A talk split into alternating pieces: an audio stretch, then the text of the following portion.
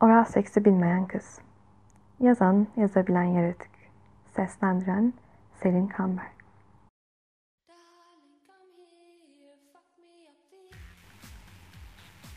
Düşünmeden bileklerini kesti. İnsanın bileklerini keserken düşünmemesinin imkanı yoktu. İnsan bir anlık ölüme gidecek kadar beynine ve saldırgan egolarına yenik düşecek kadar tanrısal değildi. Bir insanın bileklerinin üzerinde çizeceği kanlı çizgisinde mutlaka defalarca düşünmüş olması gerekiyordu. En azından bir kere Tanrı ve çekeceği acıyı düşünürdü. Ama o bunları umursamıyordu da diyemezdi. Bilek kesen her insan mutlaka ölmemek için bileklerini kesiyordu. Eğer mükemmel bir katil ise Tanrı'ya karşı bir kafa tutmanın gereğinden kendini öldürüyordur. Ama kimse bireysel bir eylemden ibaret bir intihardan söz etmemelidir. Bunu bileklerini kesen o kız da çok iyi biliyordu. Bu bir tepki, bir alıştırma aracından başka bir şey değildi.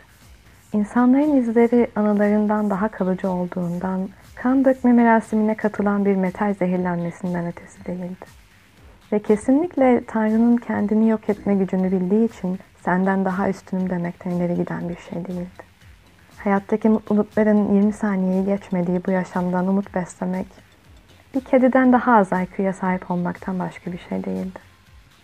İnsanlar Tanrı ve illeri arasında gidip gelirken yaşadığı bu boşalmaya, hayatı seviyorum cümlesi diyebiliyoruz.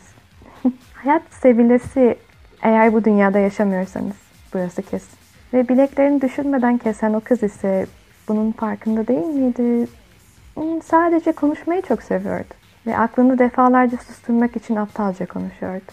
En azından zekasını erken yaşta takdir etmemizin güzel bir tarafı vardı. Oral seksi bilmeden Tanrı'ya inanabiliyordu. Tanrı'dan daha gerçek değil miydi oral seks oysa? Bir insanın varlığına, tenine ve kendi hazlarına değicesine sarılıp, karşındaki insana verdiği o güçlü haz ile onun titremekten ibaret olan nedir ki? İnsanın dudaklarını sadece yemek yemek için kullandığı gerçeğini düşündüğümüzde, dudaklarını gerektiğinde teolojik bir meta, gerektiğinde ise cinsel bir obje haline getiren insanoğlu. Konuşmak için dudaklarını hangi varlık için oynatıyor? Distopik bir olguyu nasıl düşünmeden ütopik yapmaya yeten bir düşünmeme durumu var ki? Şu bileklerini düşünmediğini sanarak kesen kızdı. Ölüm olasılığın prototipidir. Tanrı olmak ise insanın vasat görevidir. İnsanın Tanrı olma olasılığı şu kızın düşünmeden bileklerini kesmesinden daha fazlayken aslında bunu en basite indirerek bir varlık yaratma işine girmesi ise tam bir ironik kavramdı. Oral seksi bilmeyen kız şunu çok iyi biliyordu. Godoy'u beklemek sadece bir seçimsizlikten ibaret. Çünkü insanlık görmediği iki resim arasında cevapsız kalabilirdi. Bu yüzden bilek kesmek, ölü insanlar için sadece amaçsız bir eylemden ibaretti. Ve boşalan için karşısındakinin dudakları birkaç saniye hatırlanmaz bir imgeydi. Tıpkı yüzyıllardır insanoğlunun Tanrı'yı hatırlamadığı gibi.